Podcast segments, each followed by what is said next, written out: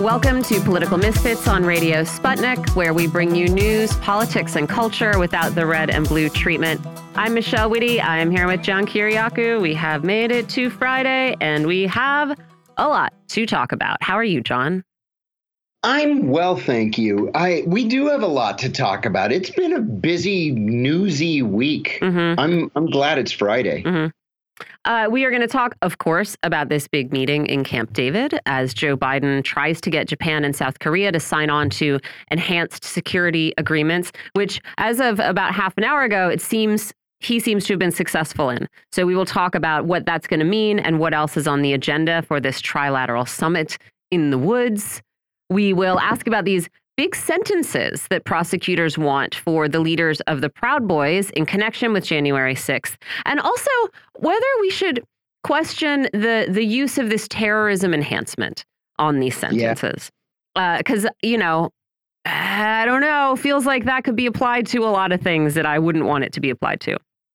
I would agree, and it sets such a dangerous precedent. You know, if if this happens and there is a terror enhancement, which is a significant increase in the amount of time that would be served, mm-hmm. then what's to keep prosecutors from adding terrorism enhancements to um, environmental uh, protesters or to well, you know yeah. anti-police violence protesters or something like that? Yeah, exactly. you break a window or like let a trash can on fire or commit some crime in the course of a protest and you're you know then you get terrorism added on top of it because it was in a protest i mean that exactly. seems a like a dangerous trend. Uh, we'll talk more about what rich people got COVID 19 paycheck protection loans. And I hadn't heard the name LeAnn Rimes for a while, but apparently she's one of them who really needed a couple million dollars uh, from you and me to, uh, yeah. to maintain her business over the course of the pandemic. We'll ask why the U.S. suicide rate keeps climbing. We'll talk about this um, U.S. intelligence assessment that Ukraine will not meet the objectives of its counteroffensive and ask then if that is the case. I mean, I don't know. This is what the U.S. intelligence community apparently says.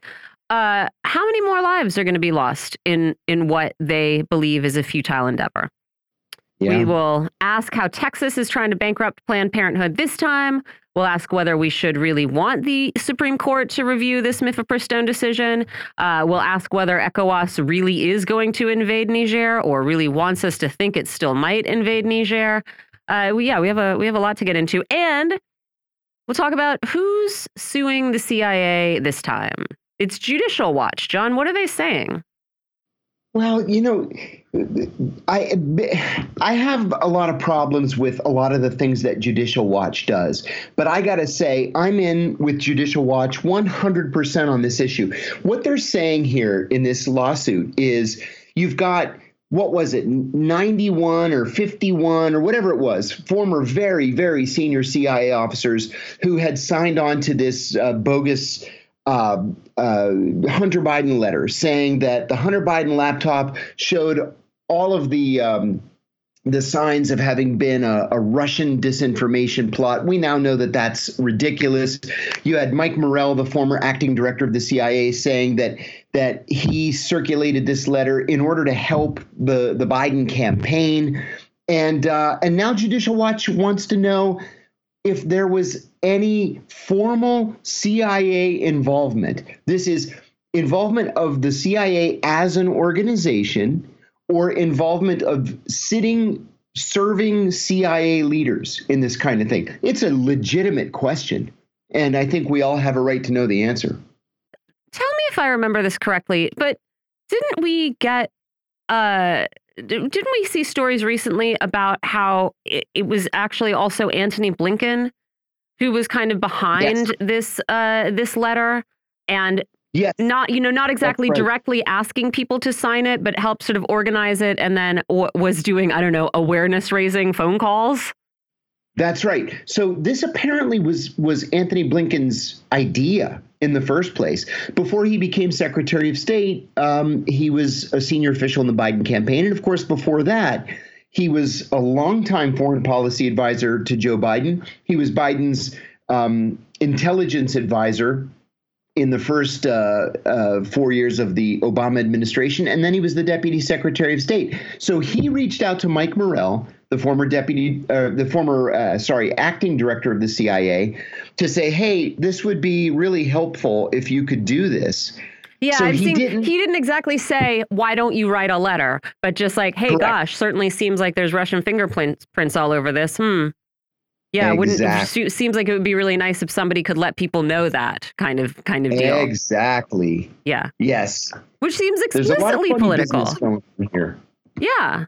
But I mean, if the yeah, if the origin of this letter that you've all signed on to is the, uh, you know, is the Secretary of State of the dude whose son is involved. I mean, this is all, of course, in, inherently political.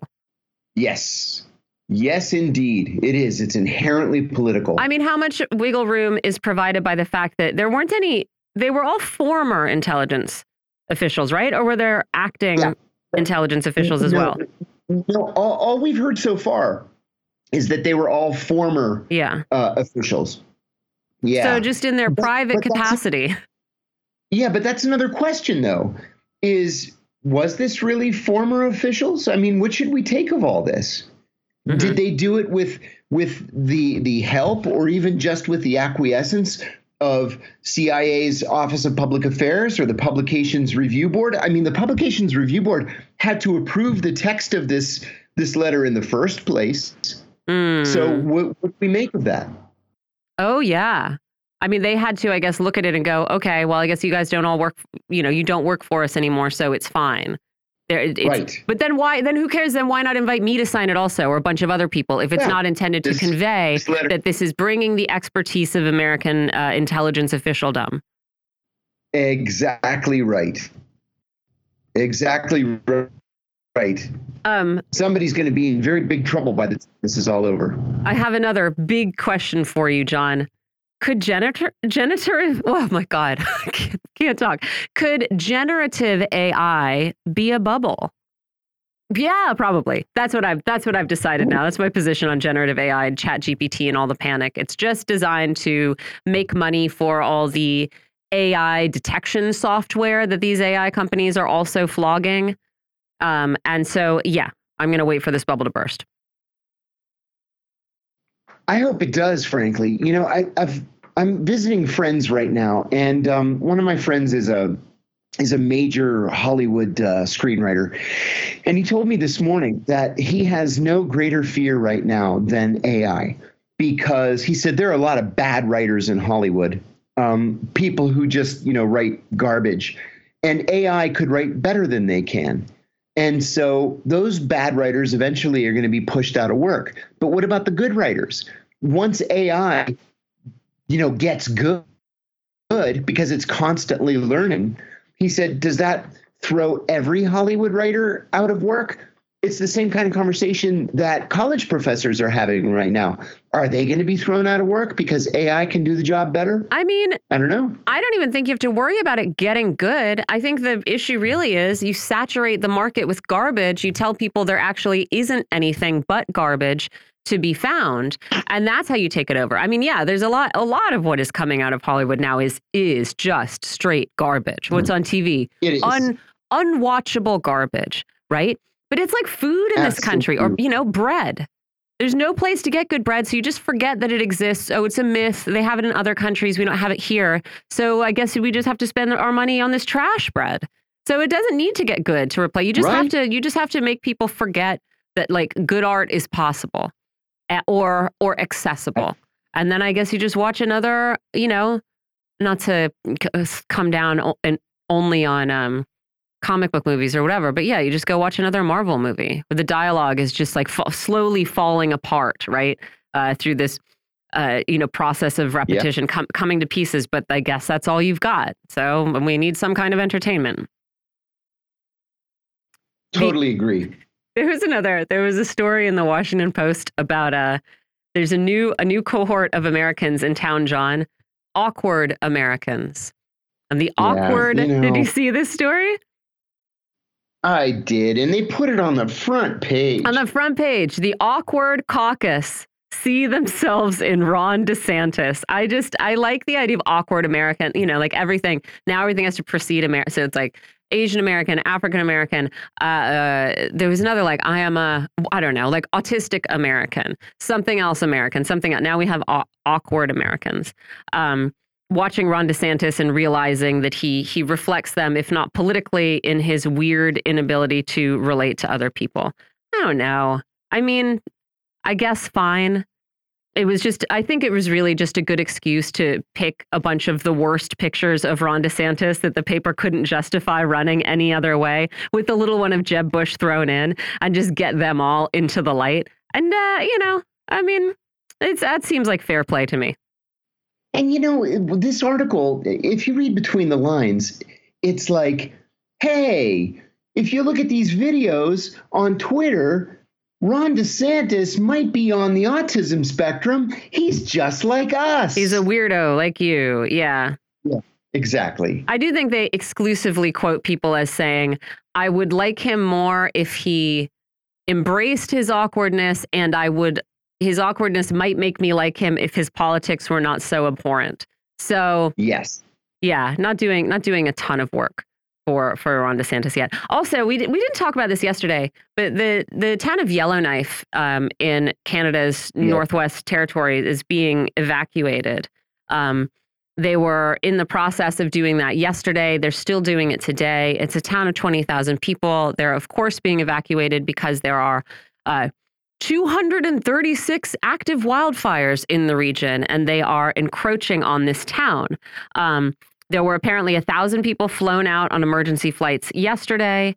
Uh, there are another 2,000 seats available today. There were stories of people waiting for hours in line to get a seat on an emergency flight yesterday, only to be told, you know, after they'd waited for a while that they were not going to get to the head of the line. There weren't any more seats left and they were going to have to come back. But really, what officials want them to do is evacuate over land, which has also been underway. But you know, when yeah. you go to these small places, there are not a lot of roads that go in and out of them.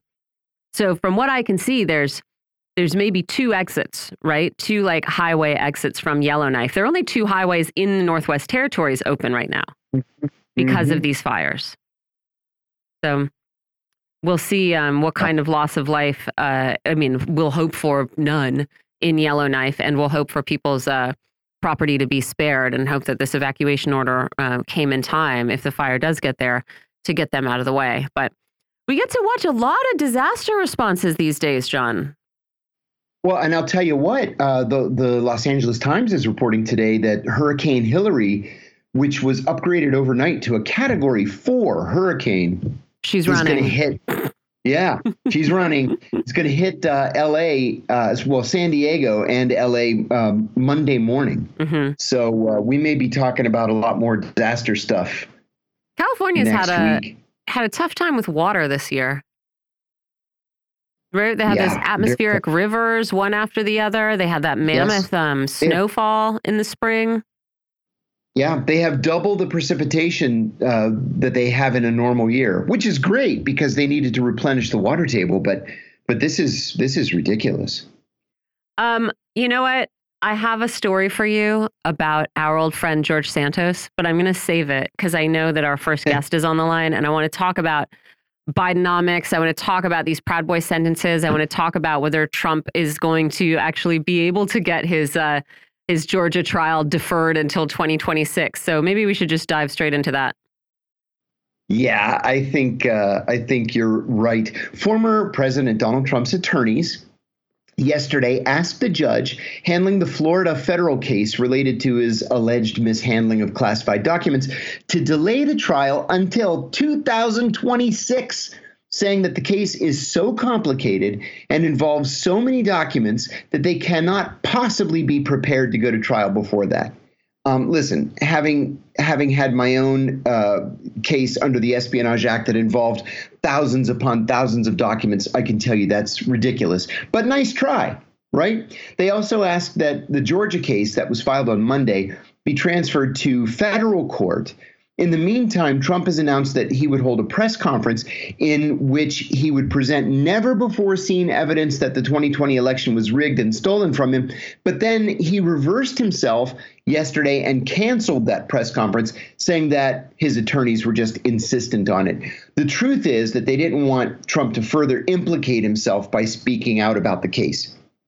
Federal prosecutors yesterday recommended that Enrique Tarrio and Joseph Biggs, the former chairman and vice chairman of the Proud Boys, be sentenced to 33 years in prison for their roles in the January 6th riot. The recommendation is by far the most severe that the government has yet sought against any January 6th participant or organizer.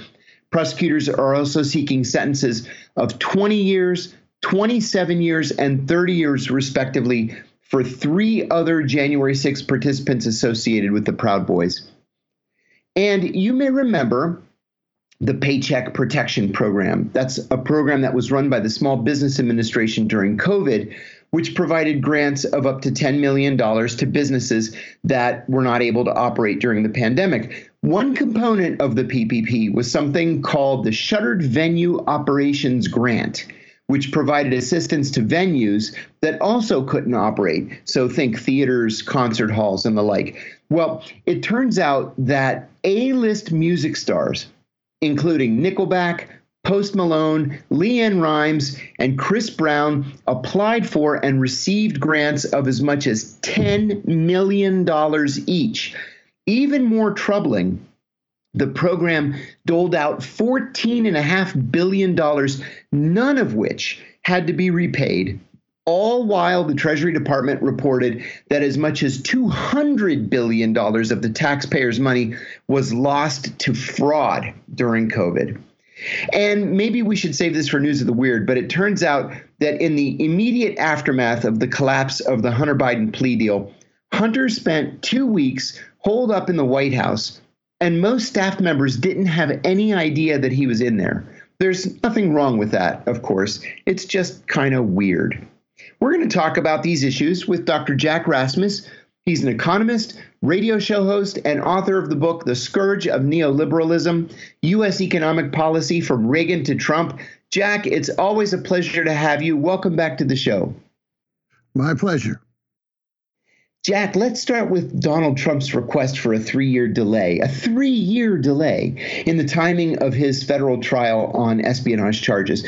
The reasons for the request should be obvious. I, I can just imagine Trump delaying and delaying and delaying, then perhaps winning re-election and then triggering a constitutional crisis by attempting to pardon himself. Is that really what we're looking at here? Uh, I think pretty much. Uh, I think what you're going to see is uh, it'll go start going to trial uh, before the election, but they'll never conclude the trial, and that may actually help Trump. Uh, uh, I mean, the, the, whole affair might harm him with some independents if he's convicted, but I don't see any kind of conviction in any case, um, you know, involving anything more than misdemeanor here uh, before the election. So uh, I think he's going to leverage this thing, um, but no one knows how much it will negatively impact the independent vote. And you know, uh, over half of the uh, uh, available voters in this country now uh, say they are independent, that they don't identify with either party uh, wings of, uh, as I call it, the wings of the corporate party of America. We got a single party system in this country with two wings to it. Uh, we don't have a two party system. Uh, but, um, you know, most of the, the, the, eligible voters don't, don't uh, associate themselves with either wing or party here. Uh, but no one knows what that impact will be. It'll probably have to be a conviction to have an impact on independent voters, but we'll we'll see. I think you're right about that. You know, it's easy enough to get a, a, trial delay in pretty much any trial. Judges routinely grant them out for practically any reason, but not one of three years. I, I've I've never heard of a three-year delay in a trial. Do you think that this case or any of the other three will have uh, an, an impact on the campaign, not even among independent voters, as you said a moment ago, but just in terms of Trump's ability to carry out a campaign? Or do you think Trump's able to compartmentalize these things and essentially lead you know two parallel lives one as a presidential candidate and the other as a as a defendant in a criminal case well i think it it puts uh, trump in a better position with the republican base uh, the fact that right. uh, you know he's, he's, being attacked all along i mean it, it will ensure probably help ensure uh, his uh, nomination from the republicans which he's in the lead now uh, all this uh, stuff going on with the base. Its question is, uh, what will be the impact outside of his his base? But uh, you know, moving it to to the federal courts uh, is not only a question of it allows him to pardon himself eventually, but the federal courts. Uh, have rules and regulations that can be manipulated to um, cause the delay easier than state courts, you see. So that's another reason why he wants it in federal court, because then he can delay it uh, more likely than if it were in the state court. Well, you've actually anticipated my next question. Um, and that's about the Georgia case specifically. He's asking that the Georgia case be transferred to federal court. Can you explain to us on what basis a case like that would be transferred to a federal venue? Is it even possible to transfer a case in which a person has been um, accused or, or charged with uh, violating specifically state statutes, who is then able to have uh, the case transferred to federal court? Well, you know, uh, there's there's two issues here. It's a violation of uh, of state uh, state rules and laws, election laws, but uh, election laws are also federal, and the state implements them. Uh, not that there's a federal election law for every state, no, uh, but you could argue that it's a federal matter as well because it, it, involves a, a, a, national election, and I'm sure they're going to argue that, and the prosecution will argue no, it's a matter of uh, of Georgia's uh, election laws. So uh, it depends what kind of judge you got and how they want to read it. You know, we'll see. Yeah. Yeah, it's something that I don't fully understand, but I sure am interested. Um, it, prosecutors yesterday asked for some draconian sentences for five Proud Boys including um, enhancements for terrorism. So, Jack, m- murderers, rapists, pedophiles, uh, drug kingpins don't receive sentences this long in most cases.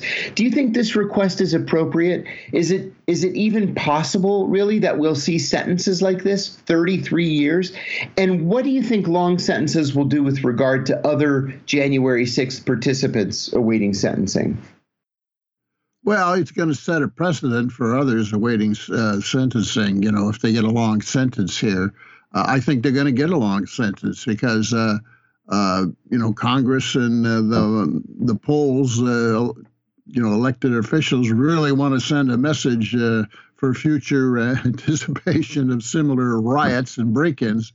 You know, in San Francisco you can uh, break into uh, a business and get off with a misdemeanor, you know. And uh, in Oakland, uh, break-ins go in all the time in people's homes, and they get away with it uh, with a slap on the hand. Uh, so it, it's it's even more obvious the gap between criminal offenses involving break-ins, because that's what this is. This was a riot and a break-in. You know, it just happens that the building was was the Capitol. So uh, yeah, it's it's political. They're just trying to send a message to anybody uh, that thinks they may want to do this again. I mean, how I, I feel like this idea of having a, an enhanced uh, terrorism, a terrorism enhancement on these sentences, uh, is really, you know, uh, is going to give police the ability to hold these you know decades long sentences over the heads of people who might be protesting for anything right? Some you know you, you might not like that people were uh, you know ultimately again yeah rioting breaking into the capitol committing crimes uh, in service of Donald Trump and wanting to extend his term. But people protest for lots of things that we like and don't like. And sometimes there are crimes committed during the course of those protests, or certainly people are uh, accused of committing crimes during those protests. I don't really want to see somebody who's been caught in a kettle like the January 20th protesters were. Um, uh, you know, not only facing like bogus charges Thanks. of uh, conspiracy and, and the like, but also facing char charges of terrorism. Yeah, well, the question is, how much would uh, you know a, a strong sentence uh, spill over to sentencing in general?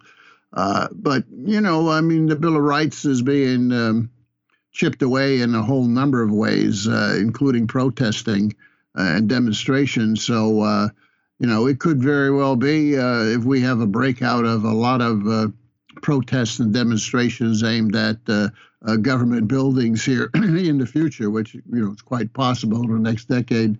that uh, you know this this sets a precedent here for uh, some some very serious sentencing. It just feels like, I mean, we have already seen states and cities attempt to uh, enact laws or enact laws that are obviously uh, directed at stopping people from protesting, stopping people from creating encampments, that kind of thing. And it does, it feels like, again, the, the, the way this is treated, uh, a lot of times by the press, a lot of times, especially by uh, sort of liberal press, is that we applaud it when it is done against, you know, uh, the enemies of Joe Biden, for example, uh, and we condemn it when it is done against, you know, people who are protesting, at least for the time being, in favor of something that we support or against something that we oppose. And I feel like there's just a a lack of understanding that there sh should just be some principle involved in here and that the law and the justice system and criminal sentences shouldn't be based on uh, you know on political whim or or your political preference uh, yeah that would be the ideal and that's the uh, you know original intention of the mm. law but uh, look you know law is political it, and um, whoever's in in control of the institutions um, levers uh, the law for its own benefit. Uh, I mean, that's a fact. It's not, uh, you know, there's, there's some uh, objective applies to all uh, kind of a, of, of an institution. Uh, it's a political institution. I mean, you can see it in the Supreme Court. You know, don't tell me the Supreme Court interprets based on the ob- objective rules for that apply to everyone. No, it's very political and increasingly, obviously, so.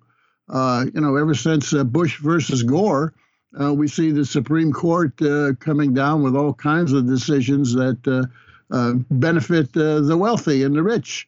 so don't don't tell me that the legal system is objective. It's not, and whoever's in power levers it to their advantage. Sorry about that, guys. we had a power outage here, but I'm I'm back on. Mm-hmm. Um, I wanted to follow up on on that one, Jack. Uh, do you see do you see a, a, a, a, terrorism enhancement and an extraordinary sentence like what the prosecutors are asking for in this Proud Boys thing as posing a problem for um, for protesters in other areas? I'm thinking about, for example, people protesting Cop City in Atlanta or environmental activists who you know may may violate the law but don't hurt anyone or kill anyone and then might be subjected to these very long sentences? Uh, well, it it depends on uh, you know state by state, locale by locale, how they're they're going to uh, you know take a, a, harsh sentence and and apply it to another another kind of criminal offense.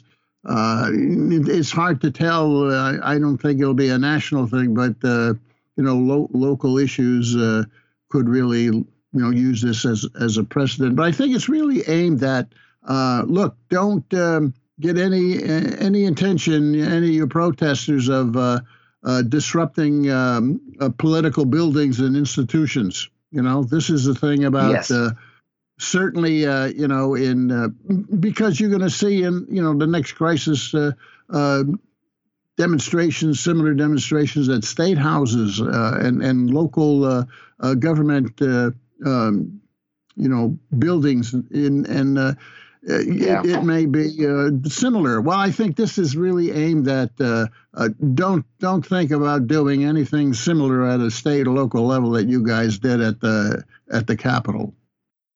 Yeah, I could see that. I knew a guy who was kind of a radical environmental activist, and um, you know he's one of these guys that would that would um, nail spikes into trees that were going to be cut down by loggers, and uh, just so that they would they would ruin their chainsaws. And you know there's a there's a possibility of seriously injuring somebody like that. But he stopped doing that. And what he ended up doing was one night in portland oregon he set fire to something like a hundred hummers at a hummer dealership.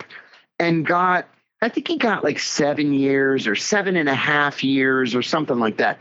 I could easily see somebody like him in this environment that we find ourselves in now getting 20 25 30 years. If anything sentences are getting longer and prosecutors are uh, are are less likely to to deal on on something like this yeah i, I see uh, incarceration um, police backlash coming here.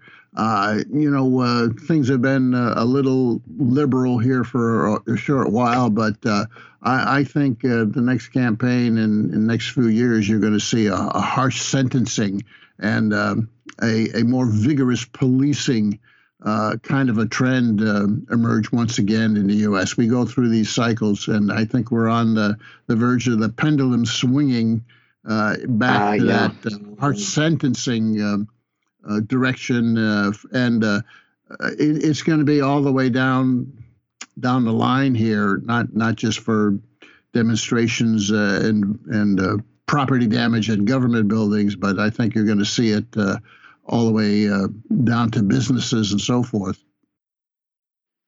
Jack, uh, turning to the Paycheck Protection Program, I'm struck by the what appears at least to be the utter lack of any executive or congressional oversight. The entire program, in retrospect, was a license to steal. So, first, do you think these famous musicians who took millions and millions of dollars did anything illegal? And if it wasn't illegal, then why wasn't it illegal? Well, it doesn't appear that it's illegal. You know, this was a $900 billion giveaway during COVID. Mm-hmm. The PPP program started out as loans, right? Uh, quickly, it became grants. In other words, I think the whole thing was was I may be wrong, but uh, my understanding they they converted uh, they the politicians converted the loans to general grants, so uh, everybody got away. That's right. Uh, who got it without having to pay it back. Um, so I don't know, uh, you know, whether these uh, these individuals here.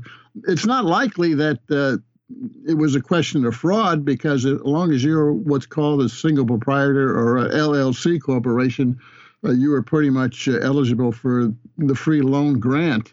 Uh, however, there were a lot of corporations who weren't eligible who dipped into the program, especially at the beginning and uh, took the money, especially like uh, uh these law firms, you know, that are all virtually all partnerships and LLCs, and uh, they use that as as a way of defining their business mm-hmm. to be mm-hmm. eligible when they mm-hmm. really weren't. And uh, I'm in my forthcoming book, next book, The Viral Economy, its aftermath. Uh, I have a, a, whole chapter on the fraud of the PPP program, and it, it was it was hundreds of billions here. Uh, oh, I don't yeah. know was if it was these musicians, uh, uh, but it certainly was larger corporations who weren't really eligible under the definition, uh, who uh, dipped into and uh, got the money out of out of the PPP program, especially the first iteration of that program. Yeah. So the the broader program uh, lost as much as $200 billion in fraud. That's according to the Treasury Department. Why aren't we seeing any prosecutions? I, I shouldn't say any prosecutions because we've all read about like the guy that that took the money and bought Lamborghinis and bought a condo in Miami Beach. So I get that there are individuals out there who are going to be prosecuted, but $200 billion in fraud, why aren't we seeing more prosecutions? Well, you know, it would be uh, hundreds, maybe thousands of cases you know, because there was so yeah. much of it going on. And uh, I don't think, uh, you know, the Justice Department figures it's got enough uh, uh staff to be able to do that. And plus, it would be politically um, embarrassing. Uh, they, they don't, they, the politicians, don't want to shine any more light on this thing. Uh, so yeah. that's probably the main reason why they're not uh, doing it. I mean, that's yesterday. That's behind, uh, you know, little let it uh, let it die, and uh, there's a lot of that kind of fraud going. I mean, look at the Defense Department. You know, trillions of dollars they can't account for. Right, the Pentagon. Uh, so you know, in this capitalist system, fraud goes on every, many places. You know, constantly. this is just another another area. Indeed. And I wanted to ask you one final question, and I realize that the stakes are very, very low, but um, Hunter Biden reportedly spent a couple of weeks hiding out in the White House after his plea deal fell apart. I'm more concerned about why we haven't seen a new plea deal. And if anything, what we're seeing is that the two sides are farther apart than they ever have been before. So where's the disconnect here? Where at first it seemed like this plea deal was easily negotiated. Now we may not see a plea deal at all. So first, why do you think that's happening? And second, can you see Hunter Biden eventually going on trial? Well, I think uh, you know the Democrats and and uh, the White House are going to do everything they can to prevent it going to trial before the election, right? I don't right. see that there ought to be a plea deal because it was very embarrassing, and uh, they had to do something about, uh, you know, not uh, going through with that plea deal because it was it was you know so much favoritism there. Uh, so right. Uh, no plea deal, but uh, it will go to trial, but not before the election because it's it's even more than a smoking gun. You know, I mean historically, we may find out that the U.S. Uh, Biden decision uh, to go to war effectively uh, uh in Ukraine is related to, um, you know, all the kids of the elite, uh, Hunter Biden being one, being flooding flooding Ukraine after the mm-hmm. 2014 coup. You know, uh, Victoria Nuland uh, who who uh, engineered that coup in 2014. You know, you, you know Victoria. She's she was uh, Undersecretary oh, yeah. of State for the region there, and she bragged that U.S. spent five billion dollars to pull off the coup. Uh, and then she was made the economic czar in 2015 of Ukraine. Ukraine yep. even had to change its constitution to enable her to do that. And once she was the economic czar, uh, the floodgates opened and uh, the representatives of the U.S.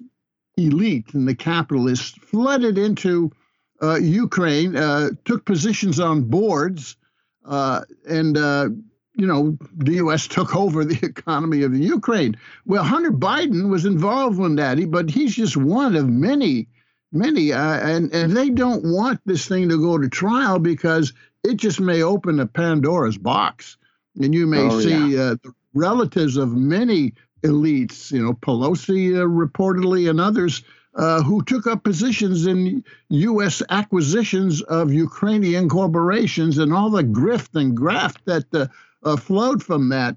Um, and and I think that's really what's behind this Hunter Biden thing. Uh, I mean, it's it's more than a smoking gun. It's like there's shell casings all over the floor. Uh, and I, I think they're going to do everything they can to prevent this thing going to trial because trial may open up the whole thing. Yeah, that's the last thing they want. Jack Rasmus, thanks so much for joining us. Dr. Jack Rasmus is an economist, radio show talk host, radio talk show host, and author of the book The Scourge of Neoliberalism: U.S. Economic Policy from Reagan to Trump. Glad he joined us. Um, Michelle, I I am cut off here We've got no power. I'm doing this on my phone, so I can't. You're a wilderness boy. I, I, I, will tell you, I don't like the woods. I saw a porcupine yesterday. What? Like, how often do you, you walking down the street and a family of porcupines crosses the street? And I don't know, is he going to like shoot his quills at me or what? So I just froze. But anyway, I've, yeah, I'm not used to this kind of thing. I've never seen a porcupine. I'm very jealous. I think that sounds really uh, cool. I did see a hedgehog once in the wild. this is like a, a dad porcupine, a mom, and two baby porcupines. It's adorable. Yeah, uh, this is not not for me. what? I'll switch places. I'll go out and be on Porcupine Watch, and you can sit here in the city. Uh, hedgehog, that was a really great moment in my life. I saw that in Copenhagen. And I did see a mama wild turkey usher her babies across the trail a couple of years ago. Oh uh, which was oh, also oh, really yeah, cool. Man, turkeys cool. are turkeys are great birds. Uh, I understand the implication of your question, John. It was should we go to a break or do we have our next guest yes. on the line and do we have a ton to talk to her about? And was. the answer, the answer to those questions is uh, yes, we have our next guest, and yes, we have a lot to talk about uh, because we are in the United States and we're talking about drugs and suicide. So, plenty of material to work with. We're joined for this conversation by Dr. Harriet Fraad. She's a mental health counselor and she's a hypnotherapist. She works in New York City. She's a founding member of the feminist movement and the journal Rethinking Marxism. Thanks for joining us, Dr. Fraad. I'm glad to join you. So, uh, we got some provisional data from the CDC last week uh, that found that more people died by suicide last year, so that's 2022, than in any other year on record. The previous record was in 2018, and then there were two years of slight decline, but they were followed by an increase in 2021 and 2022. And there is I can't quite make sense of how the increase is being reported in different places. Uh, I see in some outlets an increase of about 4% in 2021, followed by an increase of about 3% in 2022. CNN also somehow finds that last year's rate was 5% higher than the 2018 high and 10% higher, a 10% increase over two years. I don't know if I am just math deficient, but at any rate, it is increasing again. I do think the two years of decrease were kind of a blip. And, uh, you know, suffice it to say, about 49,500 people killed themselves in 2022. It is a. Hmm? Yes, that's right. It's a phenomenon that is rising among both sexes, although men are far, far more likely to commit suicide. Uh, really sadly, the largest increases came among older adults. Uh, deaths rose nearly 7% in people from 45 to 64, more than 8% in people 65 and older. They rose very slightly among adults aged 25 to 44, but they rose enough to become the second largest cause of death in that group in 2022. And there was really one one shaft of light here uh, among these statistics among very young people uh, ages 10 to 24 the suicide rate dropped by 8% uh, so, you know, a, a little bit of good news. For years now, the United States has had the highest suicide rate among wealthy nations, and I guess you know this was the this was the comparison I looked for. I guess South Korea is not yet considered a wealthy nation because it does beat us, but the rest are not countries that the United States would consider our peers. And yet, uh, and this is something we've talked about quite a lot on the show. Um, you know, exemplified yet again in this story in the Commonwealth Fund from 2020 we outspend all these other high income nations on healthcare and yet have worse health outcomes across the board. I couldn't find data this morning specifically on mental health care spending, so I don't know if you can, you know, enlighten us on where they fall there. But, you know, I, I wonder, you know, what what this increase in suicide ought to tell us. Well, I think both addiction and suicide tell us that a mass of American people can't cope with their lives and have no hope, and that they are defeated, that the American dream is now dead. The idea that if you're white and male and work hard, you'll get somewhere is over. It was never true for women. It was never true for black people or other people of color, but it used to be true for white men who used to be the majority in our country. And particularly older people who used to have older men, because men outstrip women even in the older category where um, women kill themselves only 75% less than uh, men. Even men of that age, if they were white, as the majority were, could look back on some seniority if they were in manufacturing, on a position in the community where their communities had factories which were known, people had a job there for life, and when they got older, they had senior positions and could look forward to some kind of pension and retirement. That's gone.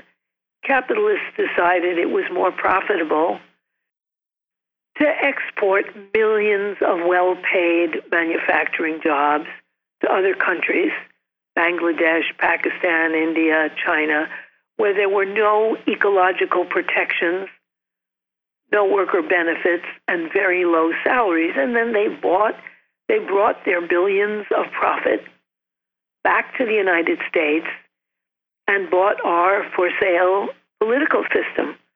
So now that we have the best democracy money can buy, people without money are really out of luck. And the basic living and standing that they used to have is gone. And the chances that used to be offered for young white males are not there. And if they want to go to college, unless they come from money, they'll be indebted almost for the rest of their lives, if not for the rest of their lives. And the American empire, which used to afford a lot of extras, is dying. They're trying to hold on to it by exhausting Russia and Ukraine, which is failing. But, you know, they're it's dying like all empires that rise and fall. It rose after World War II. It's falling. It used to be that in year 2000, 90% of the world's currency was held in dollars. Now it's less than 45%. The G7 nations have less accumulated wealth than BRICS. It's a problem. And instead of facing it and stopping spending $480 billion on armaments when we've lost the last three wars and are losing on proxy wars in Ukraine, to say, okay, let's do something for the American people, even if the military industrial complex doesn't make as much money. So people are lost. They're also lost because we don't have what all of Europe has, which is an alternative party where there's a unity of a progressive labor movement and climate activists and race justice activists and feminists and sexual justice activists to create political change. That's why they all have universal health care and we don't. We have the most expensive healthcare system in the world, but it isn't the best. Well, it comes in seventh in quality. I mean, I have a feeling every question I ask you, the answer is going to come back to yes, we need to we need to overturn this empire and change it. But but I I I think it's still worth asking some of these questions. And and one is about something that we do have. We don't have universal health care, but we do have a lot of drugs and a lot of people taking them. Uh, it, feels like at the same time, these suicide rates are, are pretty steadily going up with a few sort of blips. Uh, we also have, you know, I feel like an increasing prevalence of, of mental health diagnoses. Everybody's got a depression diagnosis or an anxiety diagnosis, or you're bipolar B or whatever, and you're on Lexapro or Wellbutrin or, or whatever. And I will say also, I do think, you know, that these drugs can certainly benefit people in some cases. And I am personally not opposed to them and have experienced some of those benefits. But we have a, a population that is it seems like, you know, anecdotally and in a way sort of borne out by statistics like these about suicide, that is losing its mind. We're being increasingly medicated for it, and yet it's not preventing some of these, uh, uh, you know, the worst possible outcome, which is someone deciding to take their own life. And so I wonder if you could talk about that because, uh, yep. you know, maybe you can't actually talk to a human being about how your entire body is feeling, you know, physically and emotionally, but you can definitely talk to somebody over telehealth and get a prescription for Adderall or ketamine or something like that. Well, 26% of Americans take psych drugs of some form. And we're only a sixth of the world's population. We take 66% of the psych drugs, and that's because they're so profitable. The um, pharmaceutical sector is the most, well, among the most profitable sectors in the United States, and those drugs don't cure anyone. Massive studies have, have been done in nations that have universal government paid health care. And those drugs can numb you, They can distract you. They can make you feel less anxious or less depressed, but they never solve the problem. Because to solve the problems you have, you have to say, okay, how did I get here? And how can I get out?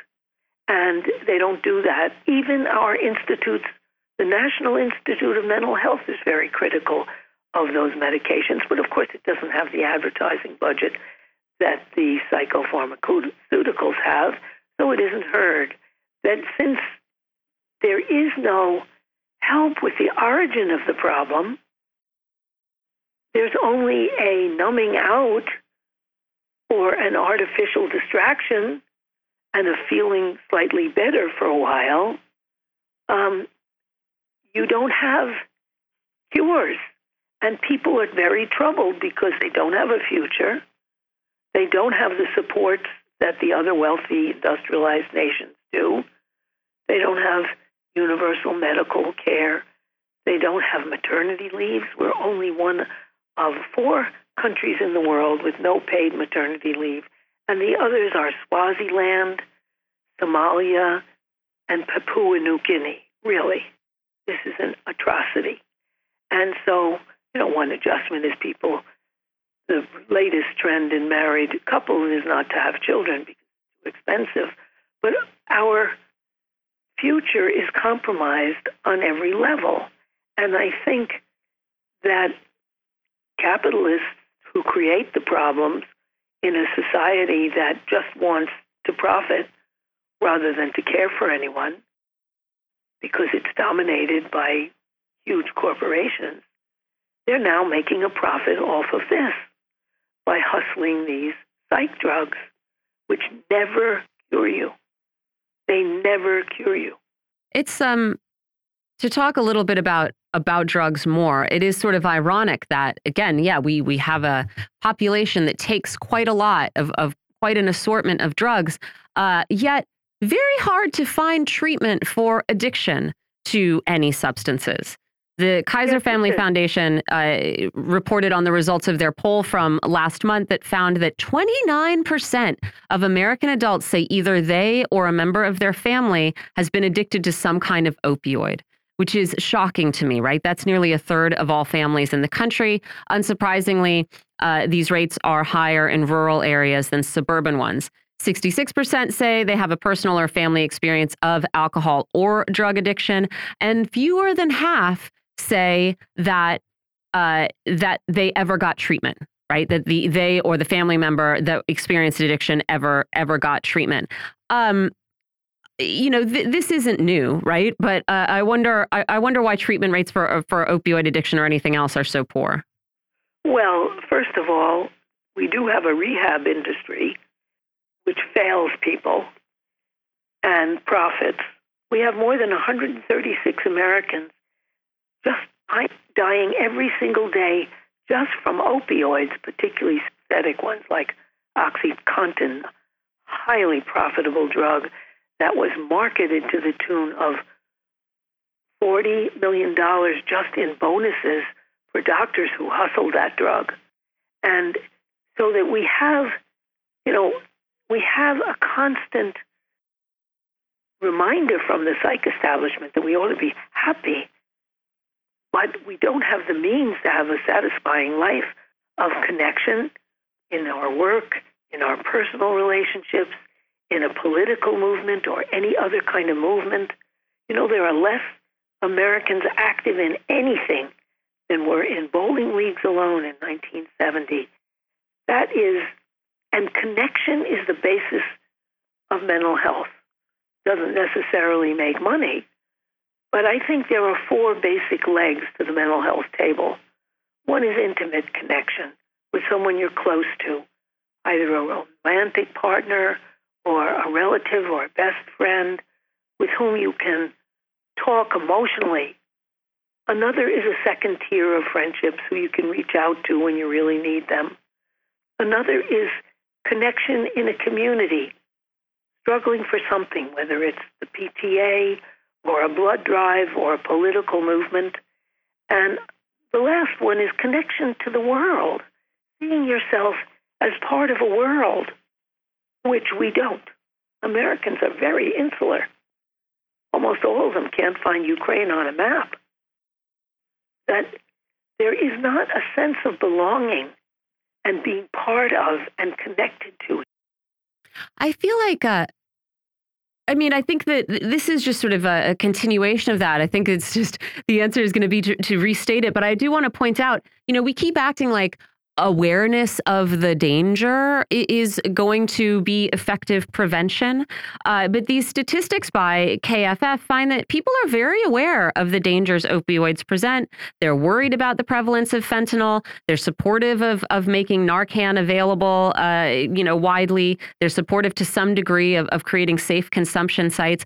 And yet, all of this awareness does not seem to be making a dent in the numbers of addictions and deaths. And so maybe uh, it's not actually enough you know, to be uh, broke and hopeless, but aware that drugs can kill you. Maybe that's not good enough to just not say no. It.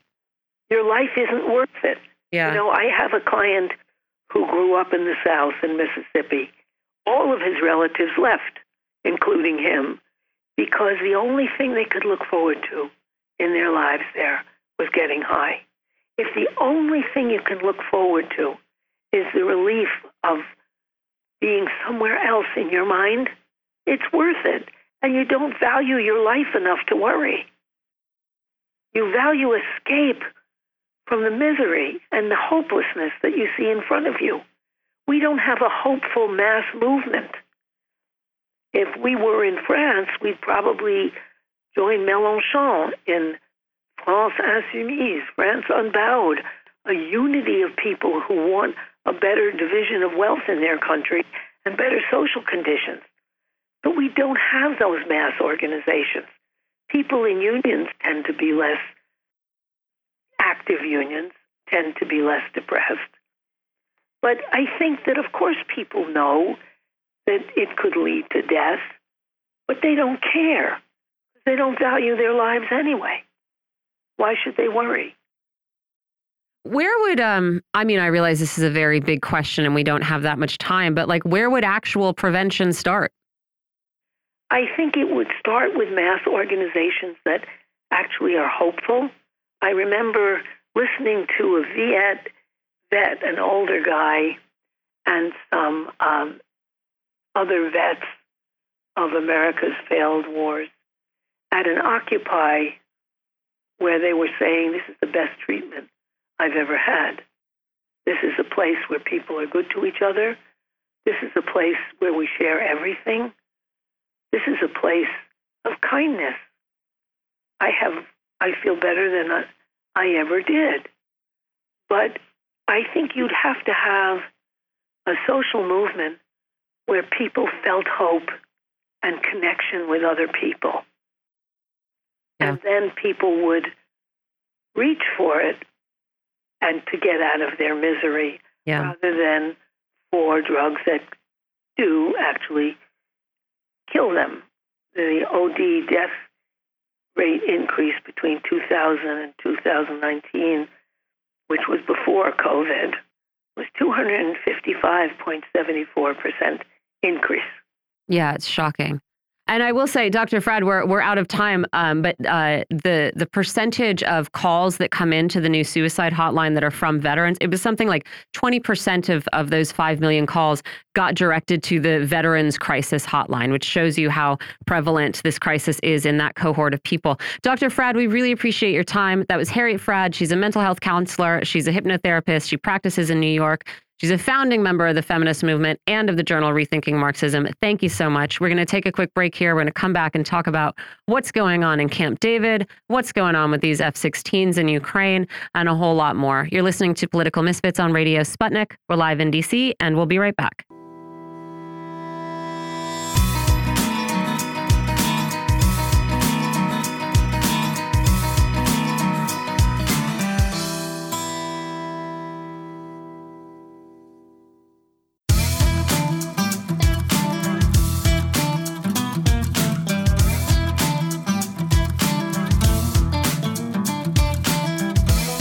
Welcome back to Political Misfits on Radio Sputnik, where we bring you news, politics, and culture without the red and blue treatment.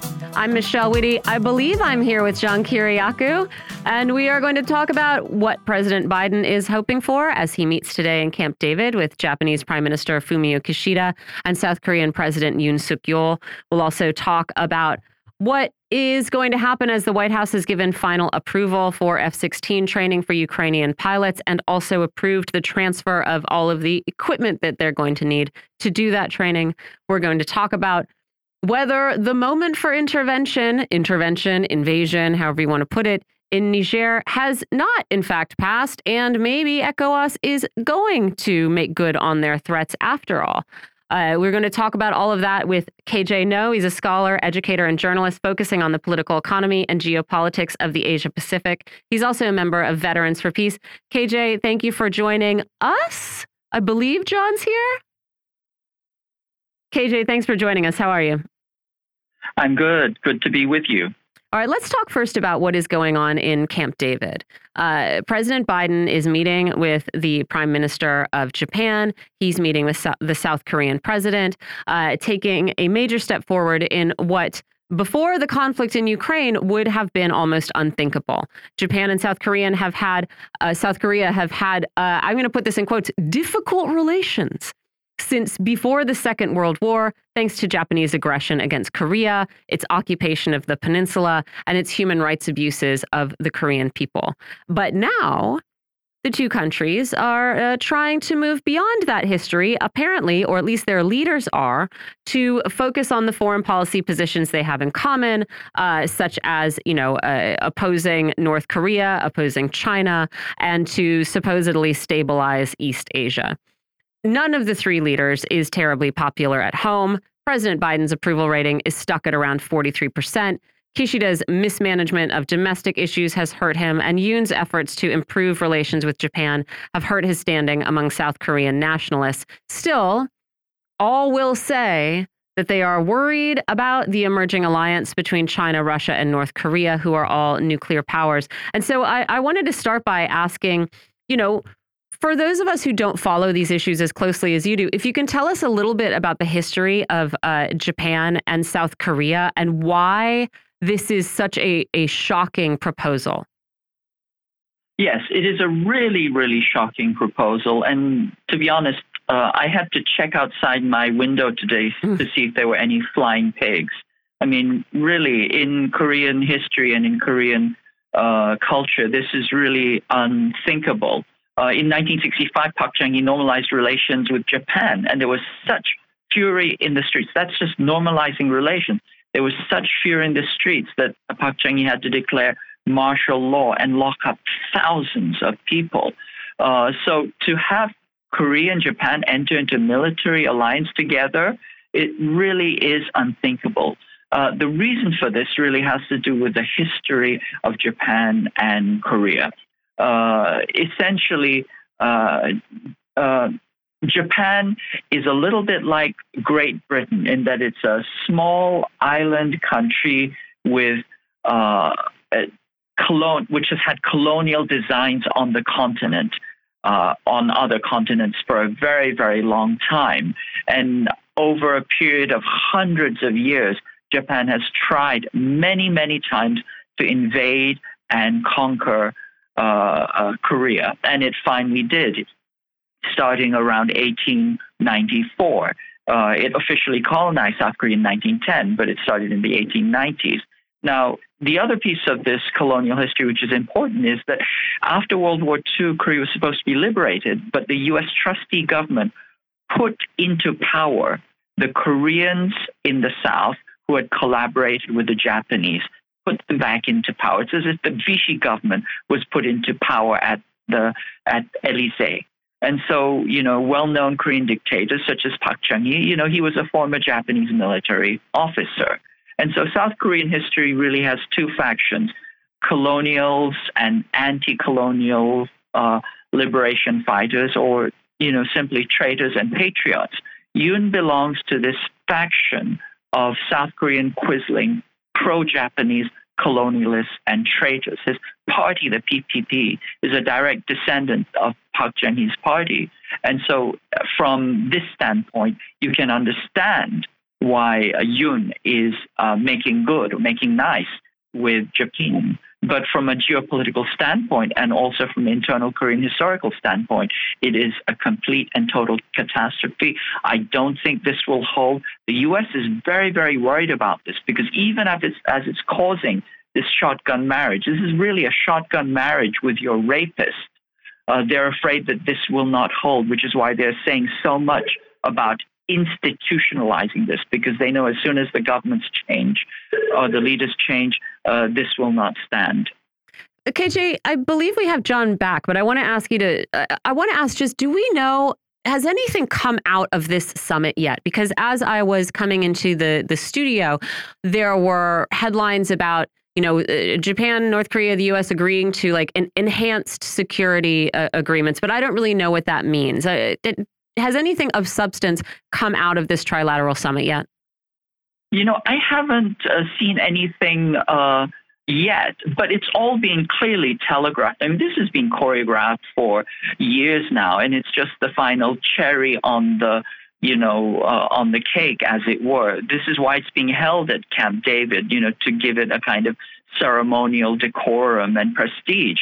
But essentially, what we're expecting is you know, uh, military, you know, the kind of codification of a military alliance, a kind of uh, mini NATO in East Asia, along with, you know, uh, military exercises, just kind of institutionalization of military exercises. Once again, unthinkable before. Uh, missile and missile coordination, uh, intelligence sharing, a crisis hotline, uh, you know, kind of enclosure of supply chains uh, and of course, related to that technical and research uh, integration, military research integration.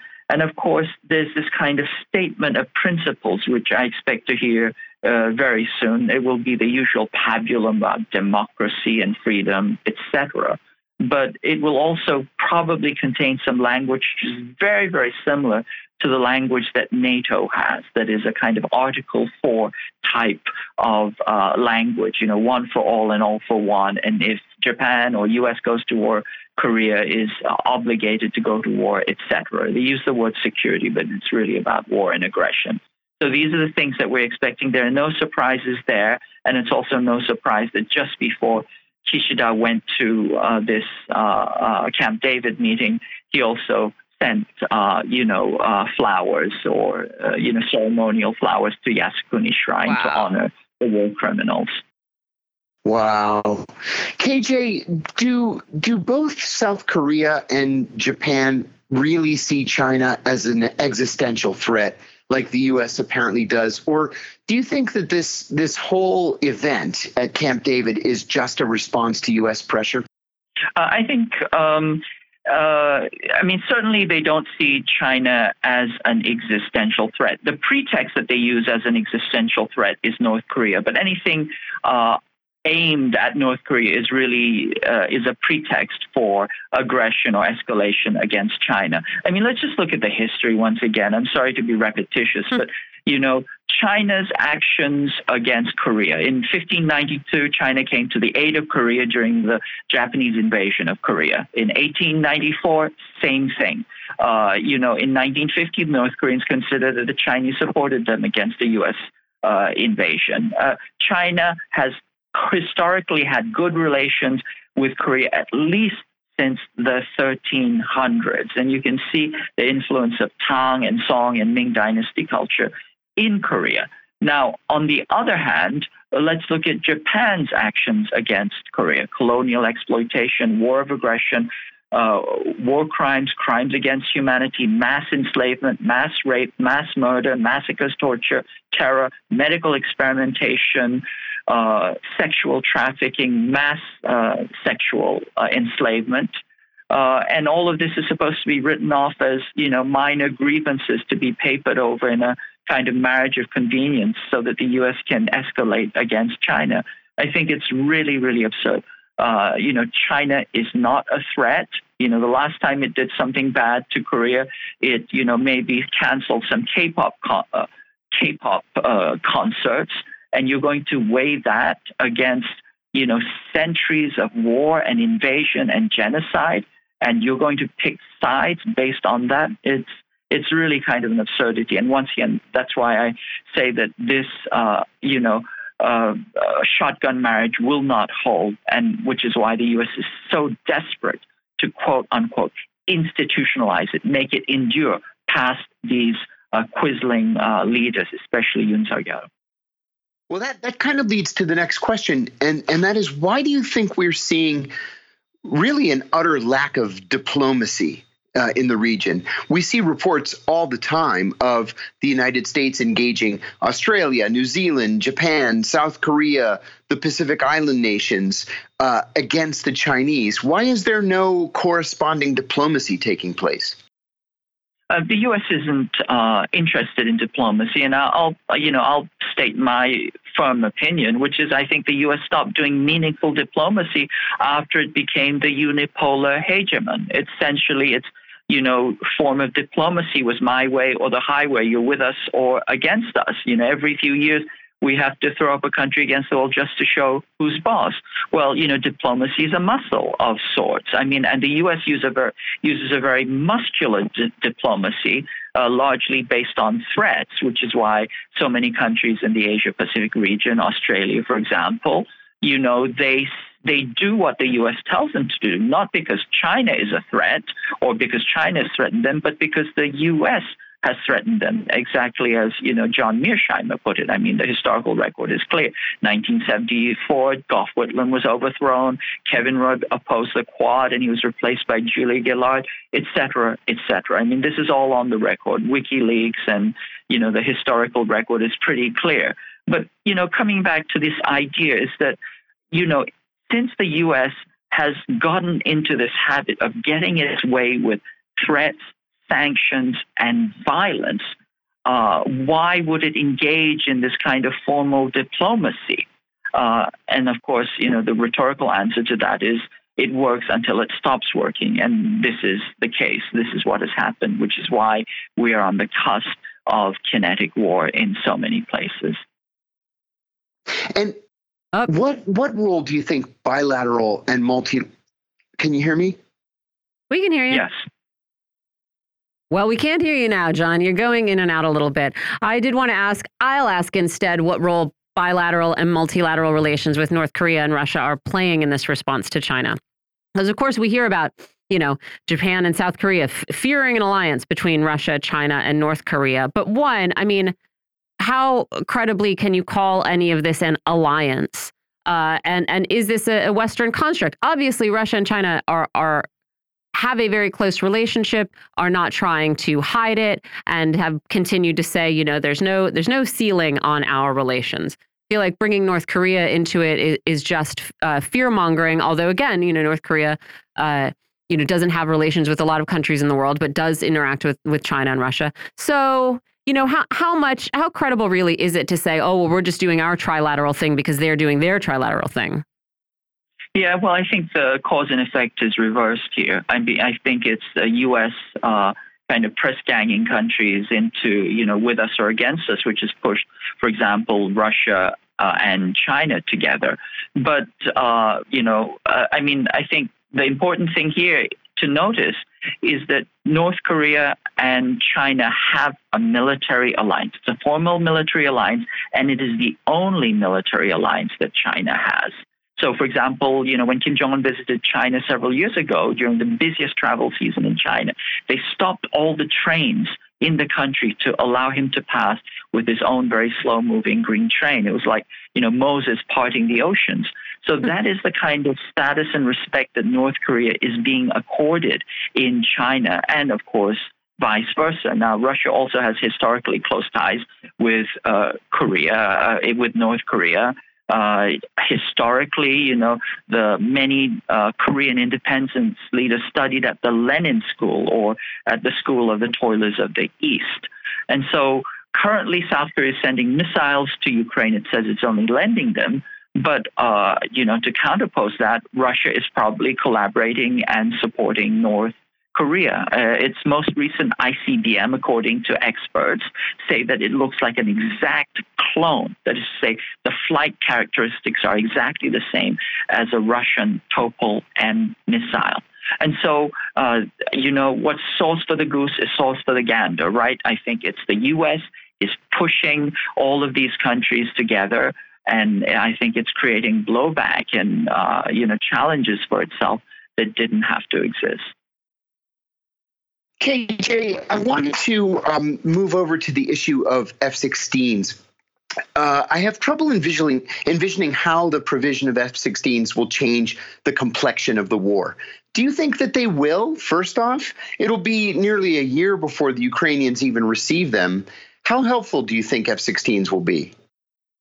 Well, I mean, I think the idea is they want to change the complexion of the war into a bloody, bloody red. Now, will they do yeah. that? Uh, I think it will take a lot of time. Uh, it'll, as you say, it'll be almost uh, a year before the Ukrainians even receive them. In the meantime, they have to train these pilots, of which there are only 32, of which only eight speak English. The rest have to take remedial English. So, you know, there's all this, all this lag involved. And here's the fundamental thing: war is always a matter of timing and speed. And really, it's the speed of adaptation or the speed of learning. In war, the side that learns faster, the side that adapts faster, is the side that wins. Uh, if you wanted air power, that should have happened months, months mm-hmm. ago. Uh, and to adapt, uh, you know, with F, uh, 16s after the war is practically lost, you know, that's not going to be a game changer with high maintenance aircraft, with you know, minimally trained uh, pilots, I don't think it will change, uh, you know, the outcome. And I know we've discussed this in the past uh, a couple of times, perhaps, but uh, basing the F 16s is going to be a, a, huge issue. And it doesn't seem that anybody really is talking about it at a policy level here in Washington. Putting F 16s in Ukraine is going to make them obviously susceptible to Russian attack. But putting them anywhere else will literally force NATO to be a belligerent force in the conflict more than it is already. How do you think this gets worked out? Or are these F 16s just going to be sitting ducks? Well, I think they will be sitting ducks, as will be the um, you know air bases that they'll being that they'll be sent out from. But more than that, as you point out, you know, it makes out NATO to be a clearly belligerent force. Now, NATO is already a belligerent in that it's, uh, you know, doing all kinds of support for the war, essentially a proxy NATO war, but it won't even have the fig leaf to hide behind. And so once you lose that leaf, what are also the political ramifications and the military ramifications about that? I think people are not thinking straight here. And I think it's once again a sign of desperation, as is actually the mini me NATO in East Asia as well. It's, I think, uh, everybody's just, uh, the U.S. certainly is just being reactive. It's not thinking things through. And I think it's all of these are, I think, extreme Hail Mary passes. KJ, an important bit of reporting came out of the Washington uh, Post today, indicating that the U.S. intelligence community is assessing that the Ukrainian counteroffensive is going to fail to reach a key southern city. That's uh, Melitopol, if I'm pronouncing that correctly, by the end of the year. This this would be a major. Poor John. John, why don't you let me take over because uh, the way you're cutting in and out is I, I, don't know if it's hard for everybody else to listen to, but it is pretty hard for me to listen to. Uh, he's saying that this this is reporting that comes out. It's indicating that the U.S. intelligence community uh, thinks this counteroffensive is going to fail to reach uh, Melitopol by the end of the year. That was a sort of key goal for them, and not reaching it is going to be a major setback. Uh, they want to sever Russia's land bridge to Crimea also Russia. Uh, and so, you know, what what does it mean in the greater scheme of things? One that, you know, what does it mean? One, if Ukraine is not able to do this, and two, what does it mean that we have uh, the the U.S. intelligence community allowing this kind of information to fall into the Washington Post? Well, I think it shows that uh, I think the ruling class uh, and the security state is disenchanted with the war, and there are factions that don't want to go any further with this. From the standpoint of Ukraine, remember its maximalist goal is to recover all of its territory, including uh, Crimea. And, you know, essentially we're seeing here that, you know, you can't tighten the tourniquet in order to sever the limb to take it back. And so it's, it's, it signals a failure not only military goals but major political goals. And when you fail in your political goals, then that signals uh, foundational delegitimation. And so I think it's been, we have been predicting this uh, for many months now uh, but on this show, but I think essentially it shows that the US and its proxies no longer have the will uh, and the power to impose uh, their will on their enemies. Uh, and I think that is foundationally delegitimating, and it also signals the kind of discontent and disgruntlement inside the national security state itself.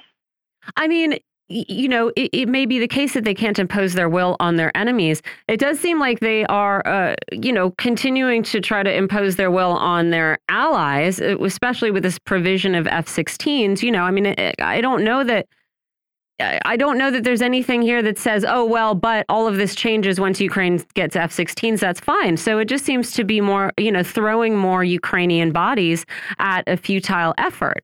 Which is, you know, something that has been criticism criticized from the start, right? Uh, the the United States is willing to to fight to the last Ukrainian, and so I wonder, you know, again how, how long Ukrainians are are you know the ones who are not motivated by you know ex extreme uh, bigotry and xenophobia, but the people who feel that they are, you know, they are fighting for their sovereignty, they are fighting for their independence. How long are they going to want to fight if that's, you know, if regaining this territory is not possible, right? And how much prodding is, you know, should the U.S. sort of conscionably do? How much more funding of, uh, you know, of a, of a sort of fruitless conflict should we do if we're already deciding that uh, we, you know, they're not going to win? Yes, I think that's pretty clear. I think it's clear that it's either a stalemate or a loss. Uh, and uh, then the question is, should this be funded at all? Should it have ever been funded? Right. Should any funding should have gone uh, for this senseless war or for the military-industrial complex in general? But regarding, you know, the will to fight, you know, volition uh, is a core factor along with logistics and strategy in whether a war will be won or not. And I assure you, from having been one myself, is conscripts don't want to fight. The vast majority of conscripts are opposed to war. And it's only because a sense of camaraderie, a sense of solidarity, or because you're afraid that you know your own leaders will shoot you uh, that uh, that conscripts fight. And we see that now uh, there are, you know, hundreds of uh, Ukrainian conscripts that are simply surrendering to the Russian. So again, once again, I think that shows that you know there's certain fundamental shifts happening in the theater of war, and I think that uh, you know that uh, the U.S. is uh, the the U.S. designs for Ukraine uh, are simply falling apart. I also want to talk about Niger uh, and ECOWAS, which we've been talking about on this show for some time now, because it is a really interesting, intense situation.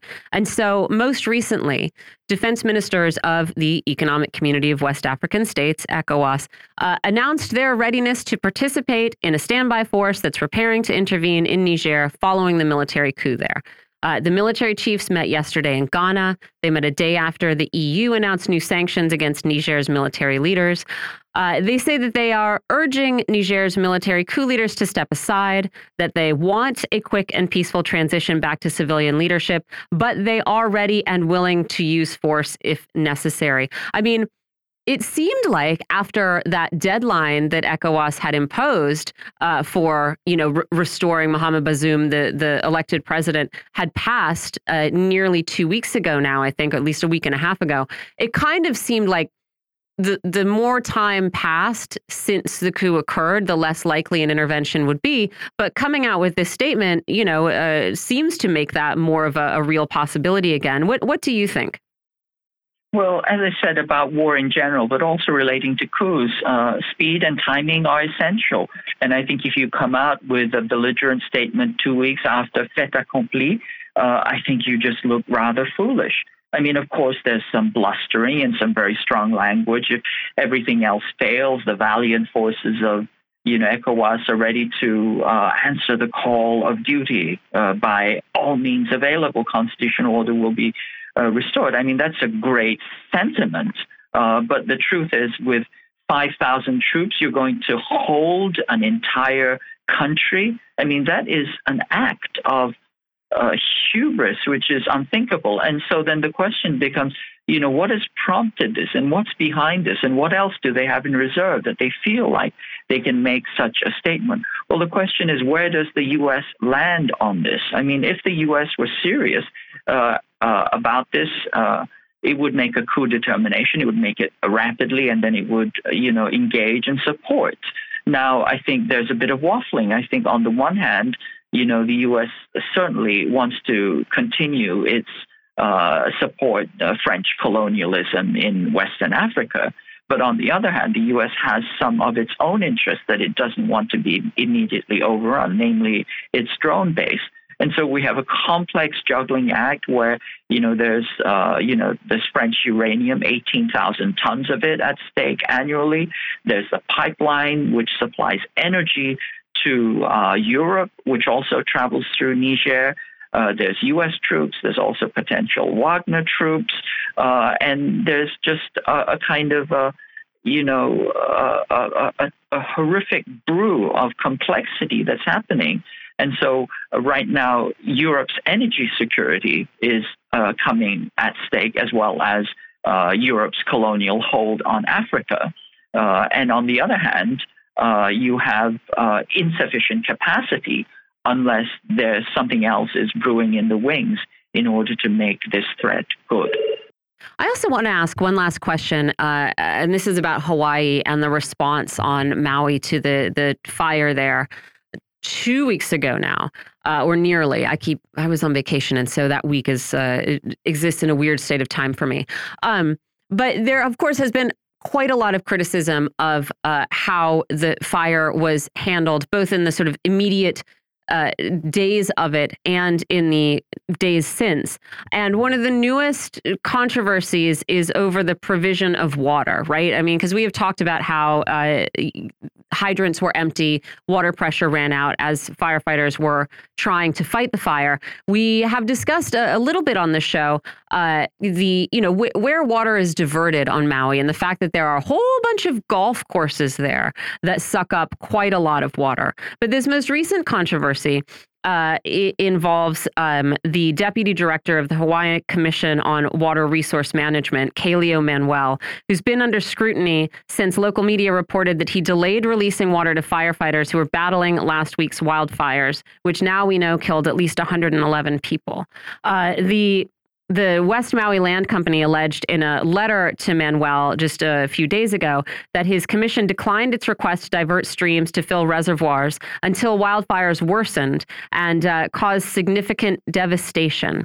Uh, they say that it was Manuel who was responsible for this delay and that he wanted to consult with a local farmer about the impacts of diverting water before he would approve the request. To me, I mean, I don't know. There's a lot of questions being asked about decision making in this process. I feel like uh, exactly what timeline we are talking about probably makes a lot of difference in this story. But I, I wonder what you make of uh, the response here and, and what has been going on with Hawaiian water, sort of in the long term and the short term, that led to this catastrophe.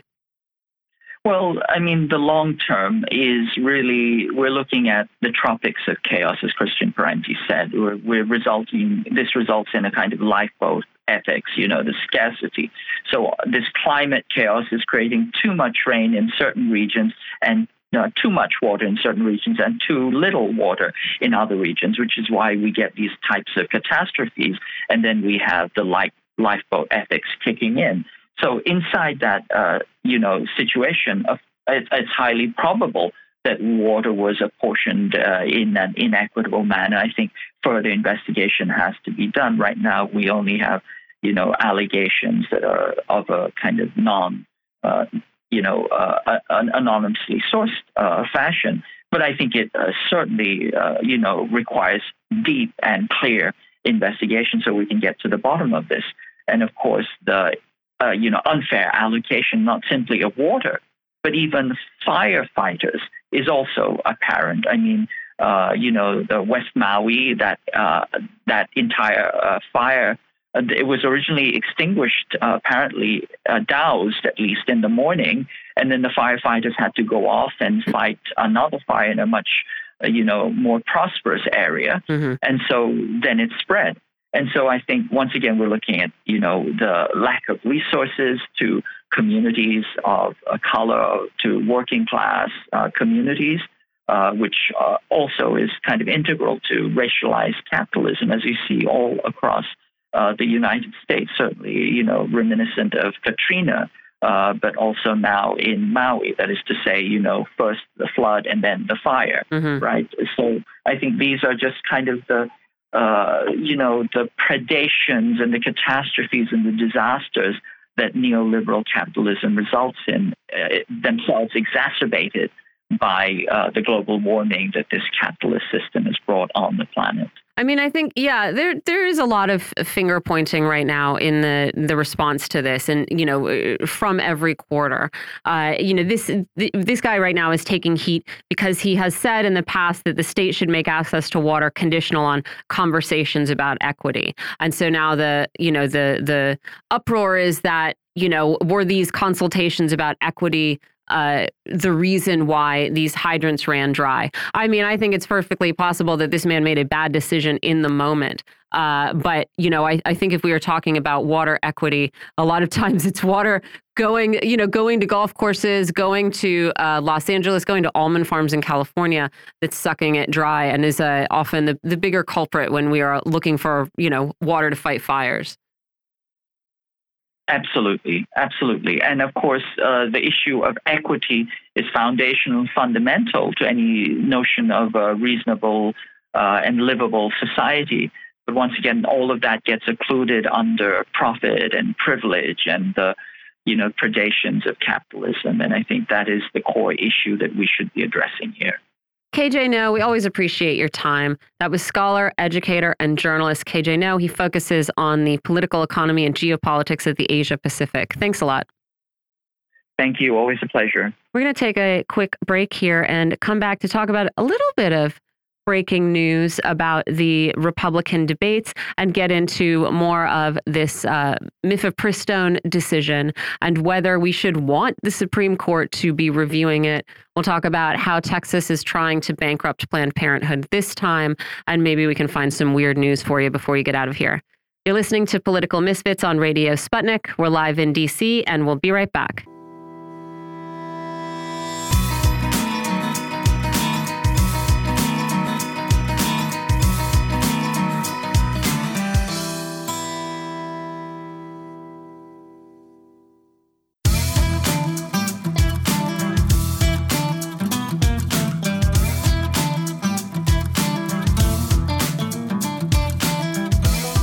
Welcome back to Political Misfits on Radio Sputnik, where we bring you news, politics, and culture without the red and blue treatment. I'm Michelle Witte. I'm here with producer Ben Zinovich. Ben, I've got some news hey. about the debate for you. Hmm. Lay on me. you sound so excited. Uh, one, it's Wednesday already, the first Republican primary debate? Like Wednesday the 23rd? Yeah, I guess. Uh, it okay. snuck up on me, I will say. Uh, yeah, listen, yeah. don't fall out of your chair. Donald Trump is not going to join. Now, we had been talking over the last couple of days about the fact that the head of the RNC has said nobody can come debate unless they sign this pledge that they are going to recognize the um, the party nominee as the presidential nominee, which Donald Trump has refused to sign. Uh, and so I don't know if anyone really expected him to be on that debate stage, but do you want to know what he's going to do instead? I am already ahead of you, but tell the listeners. Oh, he's going to sit down and have a conversation with Tucker Carlson. Now, this is just according oh. to multiple people briefed on the matter, right? This is a, a, an anonymously sourced New York Times story, so who knows if it actually will happen. But it's sort of interesting. I mean, on one hand, I think this is something well, it's not going to be a debate, I guess. It's going to be a sit down conversation. But one of the rumors that was going around after Tucker Carlson left Fox was that he he wanted to host some kind of alternative debate, right? Which I think kind of would have been a an interesting move, sort of in line with his brand. Hey, we're trying to ask the real questions and bring you the real real news, et cetera, et cetera. Uh, but like, I mean, I know people are still watching Tucker Carlson's show on Twitter, but I don't know. It doesn't seem to be breaking into the mainstream a whole lot. And so I don't know if you can compare these two platforms and these two audiences, right? I, I'm not sure. It's not no. the same as skipping the debate to go on the Tucker Carlson show on Fox News. No, I know a lot of people who um, were pretty avid Tucker Carlson um, viewers, and, and they were you know, they they didn't make the switch.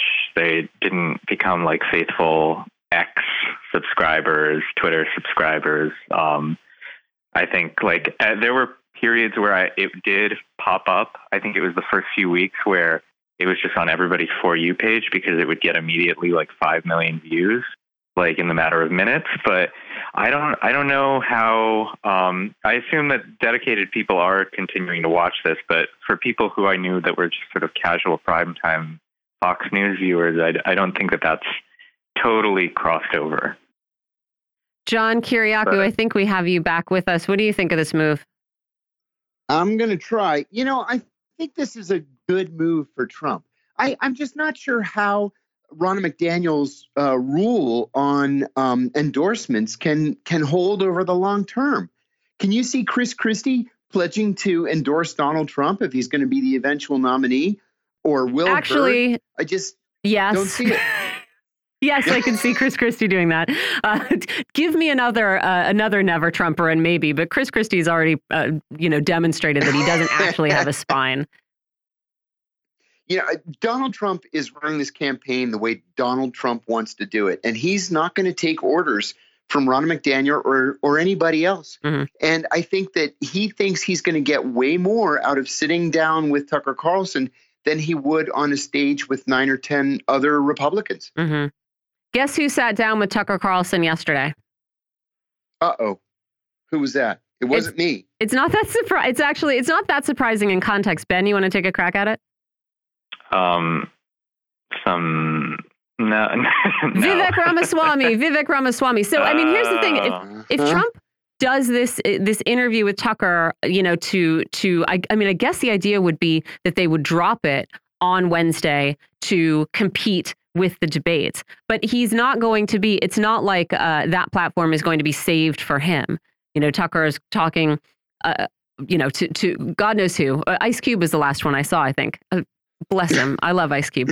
Um, but yeah, so he, he's just been speaking to Vivek Ramaswamy, which of course unsurprising, right? He's trying to do a, a, sort of news and analysis show, so it's not necessarily uh, kept as sort of um, a, a, pristine vehicle for Donald Trump alone. But again, it makes it sort of uh, I don't know. I mean, I I think you know, like Ron DeSantis made the mistake of launching his campaign on Twitter. That was a big dud. Like I just don't. Yeah. I just don't know that that Twitter and maybe in particular Elon Musk's Twitter, although I'm not sure how much that has to do with it, but it, it's not uh, competitive really with like a, a primetime TV audience. And those are probably the people who are going to be voting. Yeah, I don't know if there's the sort of Kennedy Nixon effect where there's a, a large enough people, a mass of people on Twitter that will, even though, you know, people see see Ron DeSantis sweating on camera, if they hear him in like a Twitter space, they would think he's a cool, common collective. Right. But um, he, I, I, I did also want to remark. I don't know if you mentioned this, maybe I missed it, but um, Elon has now announced that X will now be not will make uh, you can't block people outside of uh, DMs. So you can like if people are pestering you in the DMs, you can block them, but you would have to deal with them on your feed uh, further. He oh, says boy. the he says the the feature does not make sense. Okay. Great. Wow. Guys, I um I hope I will have time before the show ends to slide in this last tidbit about George Santos, but I do want to talk about something a little bit more important before we get to that, and that is this mifepristone decision.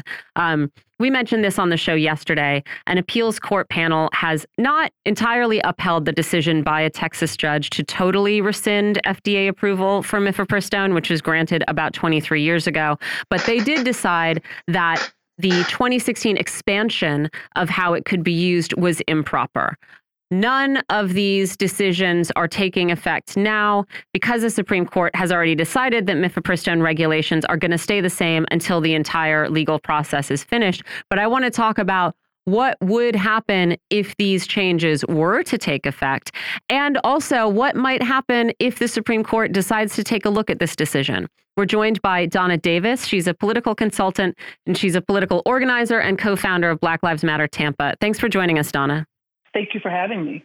So, you know, if things actually uh, stand as they are today, with mifepristone still available, but in a more restricted fashion, what is that going to mean in, in practical terms for women around the country? Um, I think that women will face logistical challenges around access. I mean, that's a pretty obvious um, outcome there. There's reduced privacy and autonomy.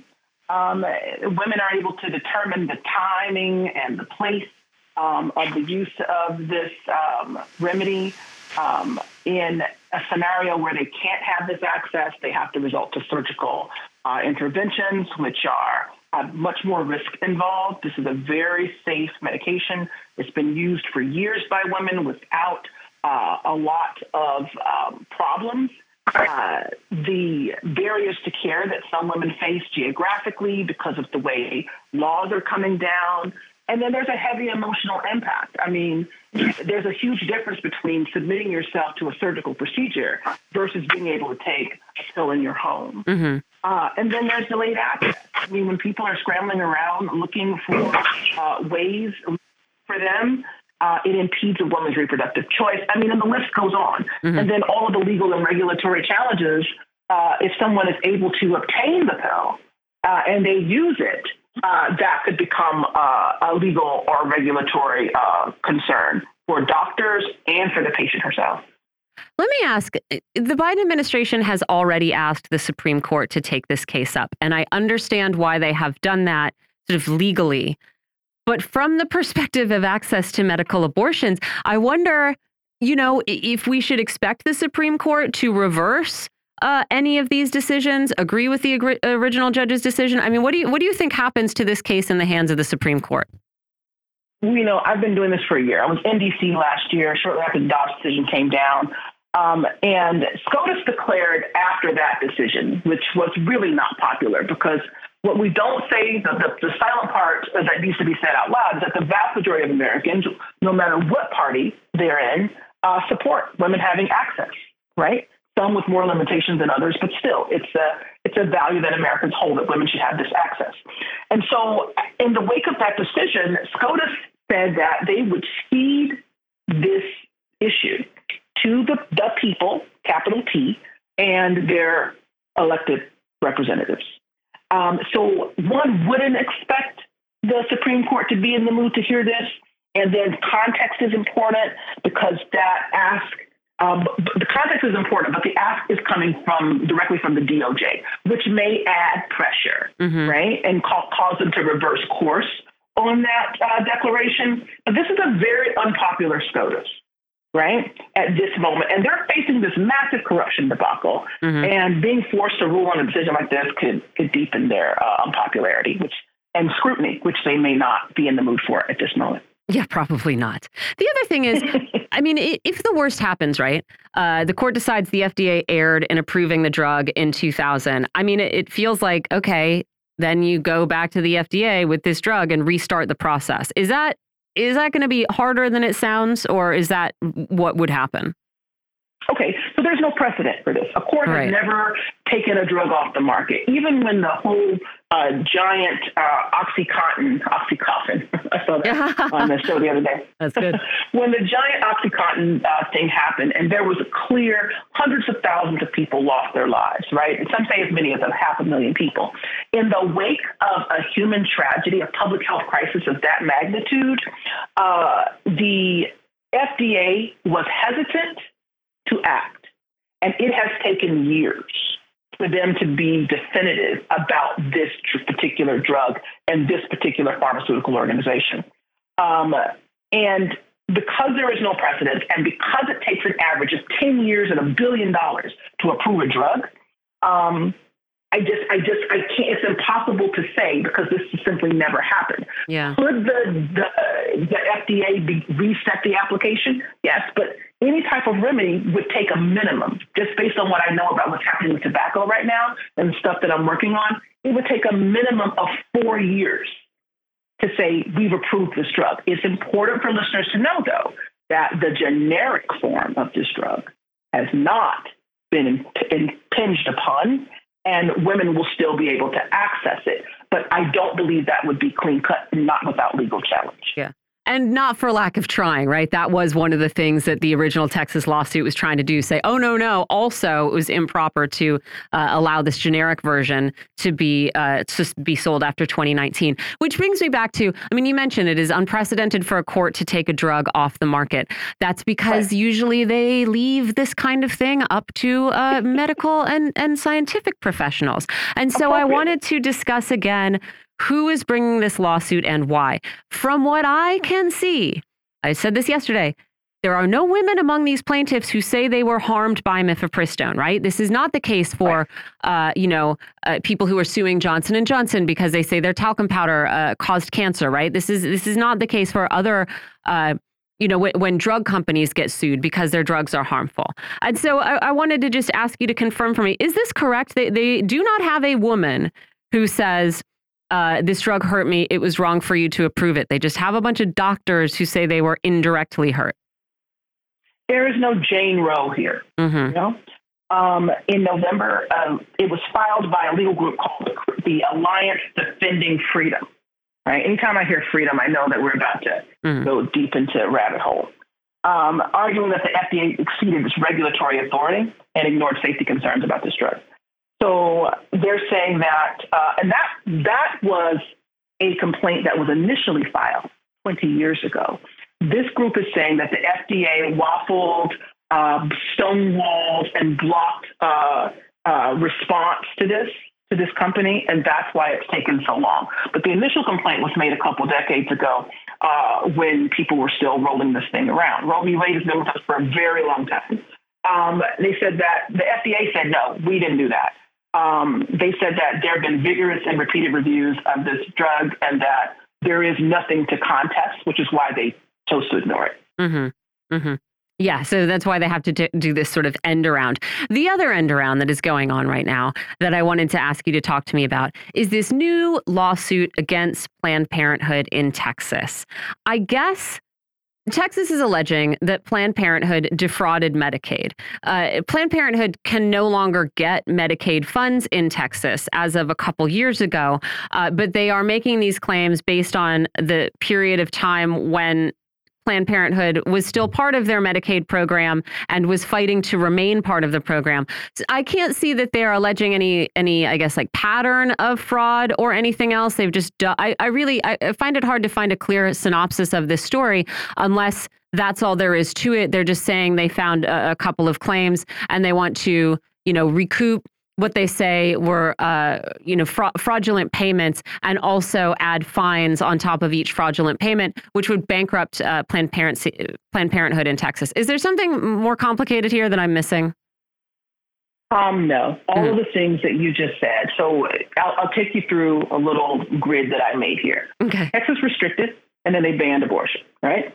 And then they removed Planned Parenthood from its state funded and all of its affiliates all of any, anybody that's working with them, they remove them from their state funded health programs, right? Which means that they now cannot get federal dollars, right? And then they also, this is a this is a sub story here that we're not getting. they cut them out of funding for cancer screenings, HIV, sex education, contraception, mm-hmm. right? Um, and nobody seems to be able to uh, intervene here, but Planned Parenthood is still going. Um, and Amna Dermish, the CEO of Medical Services at Planned Parenthood of Greater Texas, says, "Hey, we're, we're our doors are open and we're still winning. So, like, bring it." Mm-hmm. I Good mean, for them.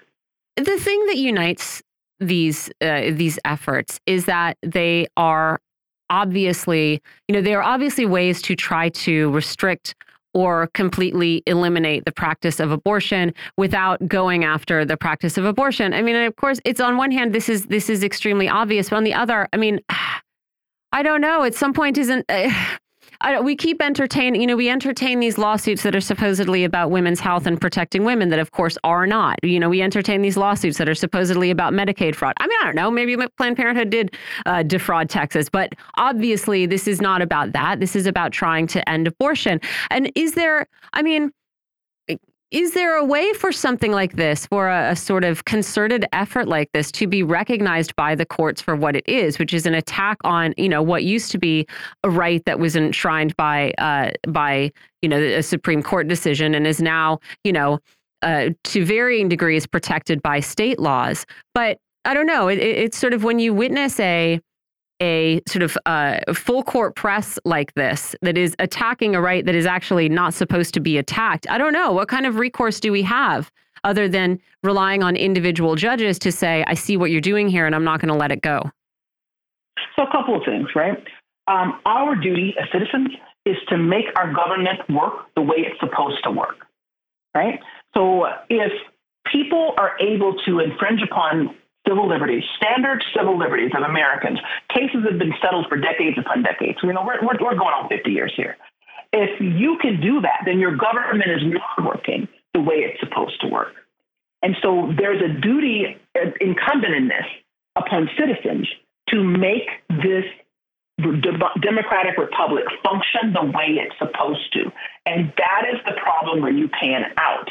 It is not that people are picking on this or picking on that the erosion of our civil liberties does not have an end if our government is not acting in the interest of a people. And I said this on the last show.